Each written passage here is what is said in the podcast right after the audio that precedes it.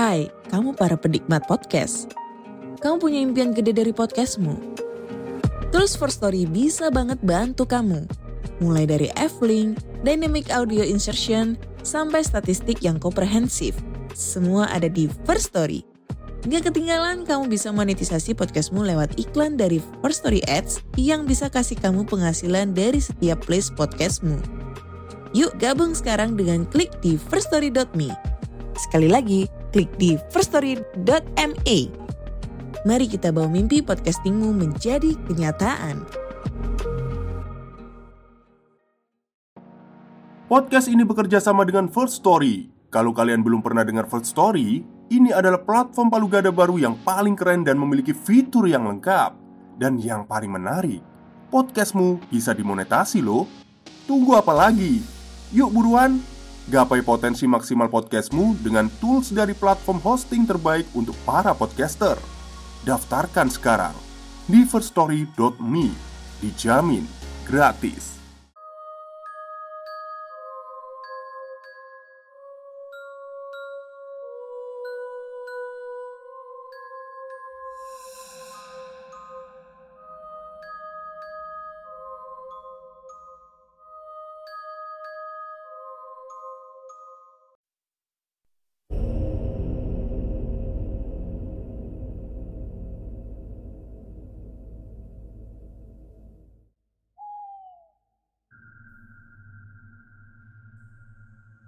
Assalamualaikum warahmatullahi wabarakatuh. Halo semuanya Jumpa lagi dengan saya Chow Sing Sing Kurator dari podcast Horror Night Story. Halo apa kabar semuanya? Semoga kalian semua baik-baik saja ya. Dan seperti biasanya pada siang hari ini saya kembali Dan akan menghadirkan sebuah kisah mistis untuk kalian semua. Kisah mistis kali ini Saya datangkan dari treat horornya Hanya Acil yang menceritakan tentang pesugihan. Dan sebelumnya saya mohon maaf ya nanti dalam bercerita suara saya agak bindeng dan agak kehabisan nafas karena memang sedang pilek saya ya. Oke, daripada kita berlama-lama, mari kita simak ceritanya. Cerita ini saya ambil dari salah satu teman yang sehari-harinya berjualan di kios kelontong. Dan sebelumnya saya sudah meminta izin untuk menceritakan kisahnya yang memang menarik tentang hal goib di zaman modern ini. Seperti biasanya, Ian selalu berada di kiosnya untuk berjualan dan mencari rezeki memenuhi kebutuhan keluarganya. Awalnya, kios itu milik bapaknya. Namun, setelah ia sudah menikah, kini kios itu resmi menjadi miliknya dan dilanjutkan olehnya. Yang namanya berjualan, kadang rame, kadang juga sepi. Gak selalu ada untung dan gak menutup kemungkinan ada hal yang membuatnya rugi. Tapi ya mau bagaimana lagi? Dia terus berharap ada rezeki setiap harinya Untuk memberi makan keluarga kecilnya. Suatu malam Ketika ia sedang sendiri Ada seorang bapak-bapak yang menghampiri dirinya Dan mengajaknya ngobrol di bangku yang disediakan di depan kiosnya. Jang, Gimana? Rame jualannya? Tanya si bapak itu kepada Ian.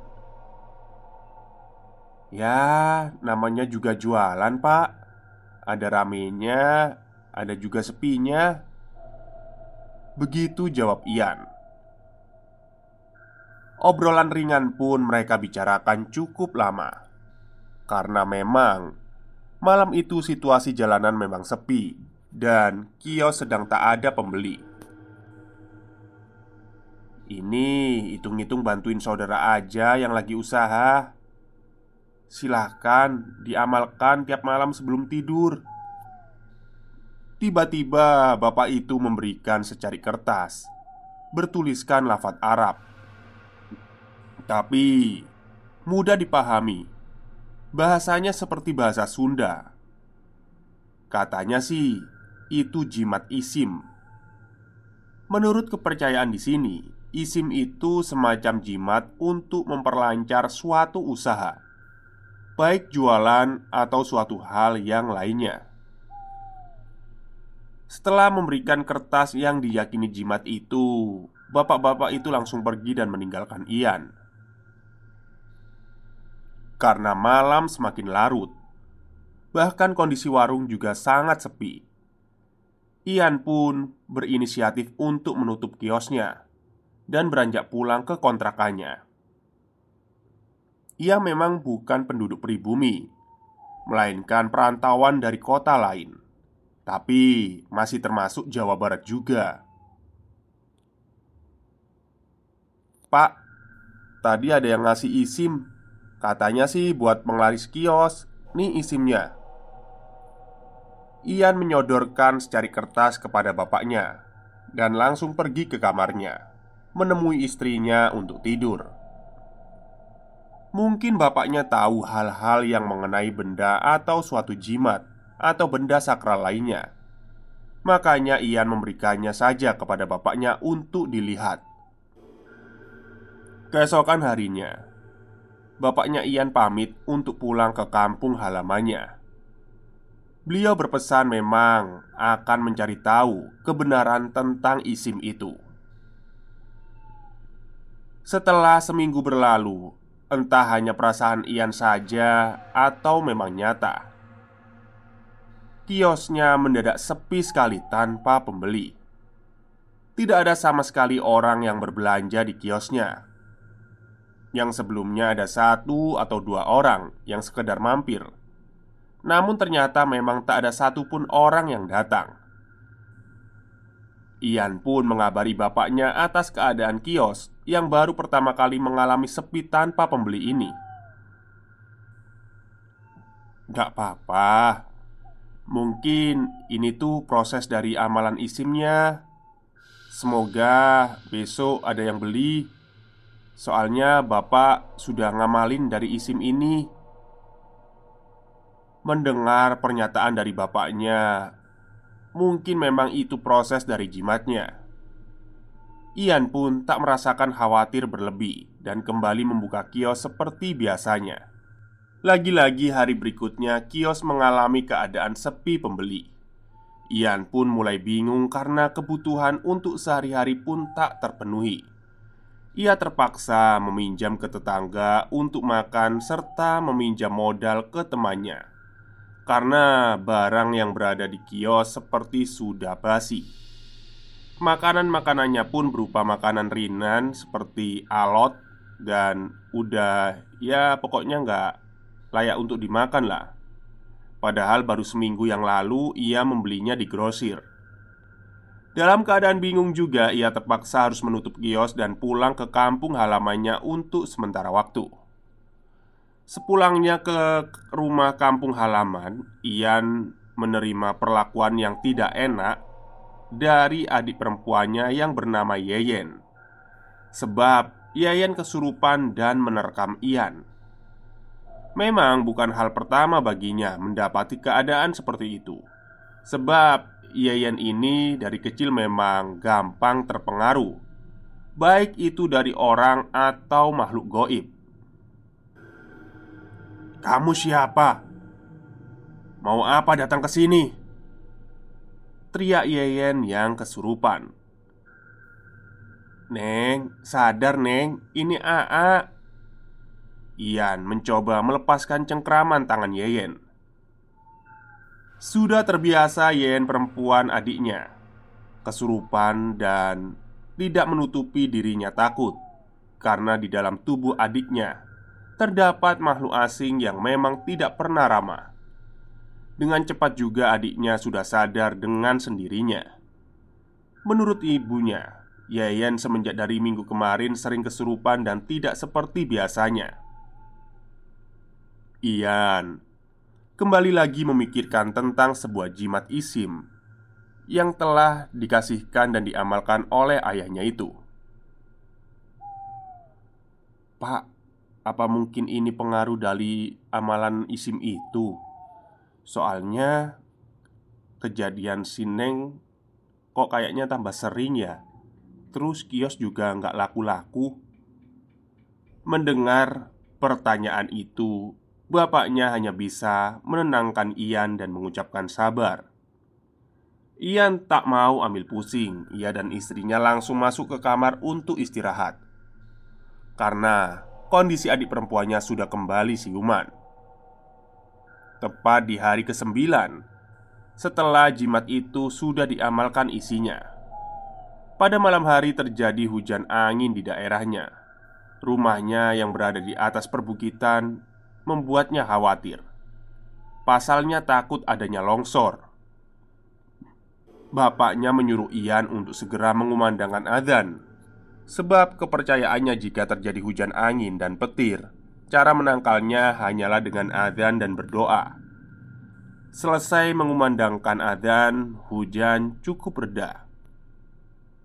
Tiba-tiba saja terdengar gemuruh dari atas bukit. Mereka langsung berhamburan keluar rumah melihat apa yang terjadi. Apakah sebuah batu atau tanah longsor ke bawah? Namun, gemuruh itu seperti bukan berasal dari bebatuan ataupun tanah. Setelah diamati lebih lama, ternyata terdapat banyak pasang mata yang menatap ke arah rumah Rian.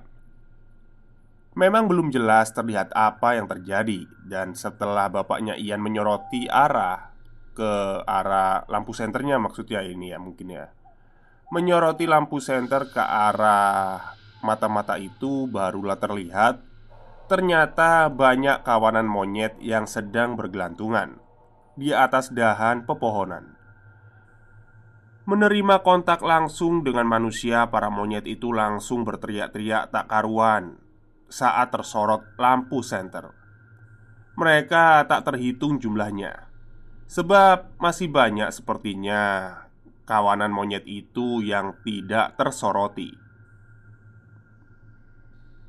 Cepat, kembali lagi masuk ke rumah. Perintah bapaknya Ian ke semua keluarganya yang melihat kejadian aneh itu. Langsung saja mereka berlarian kembali masuk ke rumah dan menutup semua akses masuk agar monyet tidak bisa memasuki rumah mereka. Terdengar suara teriakan monyet-monyet yang tadinya berada di pepohonan, kini sudah berada di atas genteng rumah. Para monyet itu berhamburan dan mengepung rumah. Pak, gimana ini? Ibu takut Kertak Kertak Suara dari genteng yang sepertinya mulai pecah dan dijebol Dan suara pintu serta jendela yang dipaksa untuk terbuka Keluarga Ian sangat ketakutan mengalami hal itu Tak ada yang bersuara sama sekali Mengingat kengerian yang ditumbulkan oleh si monyet setelah lama kemudian, suara-suara teriakan itu mulai reda. Ian berserta bapaknya mencoba untuk melihat kondisinya lewat gorden jendela. "Pak, kayaknya monyetnya udah hilang." Mereka berdua pun keluar rumah untuk mengecek apakah memang benar monyet-monyet itu sudah tidak ada. Ternyata memang sudah tidak ada kawanan monyet itu, entah pergi ke mana mereka. Namun kembali lagi Yayan kesurupan untuk yang kesekian kalinya. Yang lebih aneh, kali ini pergerakan Yayan sangat lincah Layaknya seekor monyet. Yayan berlari melompat ke sana kemari dan berdirinya pun seperti monyet.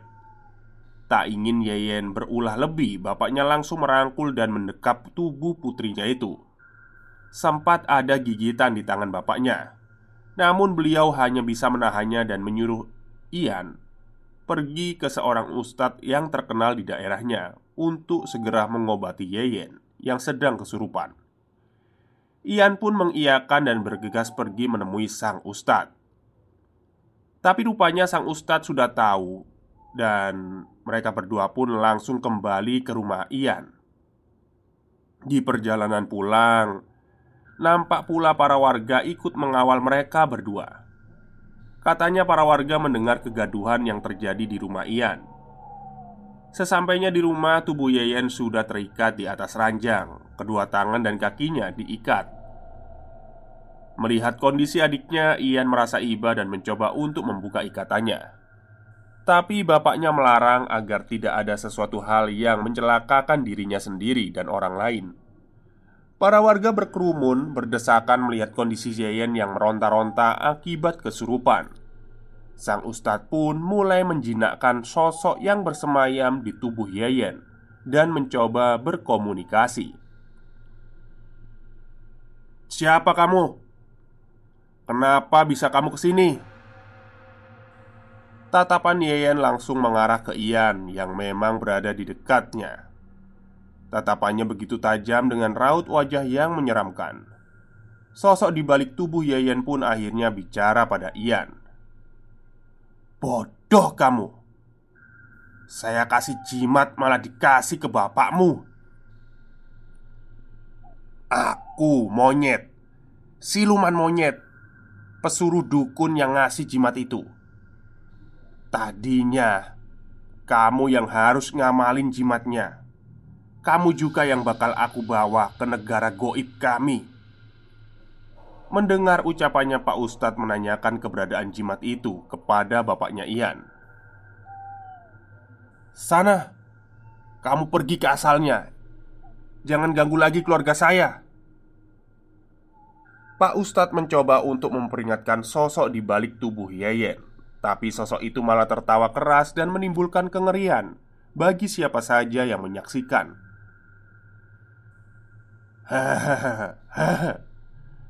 Orang bodoh ini nggak mau Adiknya yang bakal aku bawa.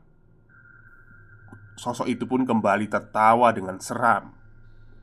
Ustadz pun langsung mengambil secari kertas yang digenggam oleh bapaknya Yeyen Dan mulai melafalkan doa-doa kepada Allah. Sosok di balik tubuh Yeyen itu meronta-ronta kesakitan. Mendengar ayat-ayat suci yang dibacakan oleh Pak Ustadz Uh, panas, panas. Ah, aku bakal bawa anak ini ke alamku. Aku nggak bakal ngelepasin anak ini. Mendengar perkataan dari siluman itu, Pak Ustadz langsung meminta korek dan wadah tempat untuk pembakaran jimat. Jangan macem-macem kamu manusia rendahan Jangan bakar jimatnya. Kembali sosok itu berteriak. Kamu harus sadar Dunia ini hanya milik Allah. Tak ada daya dan upaya selain pertolongan Allah.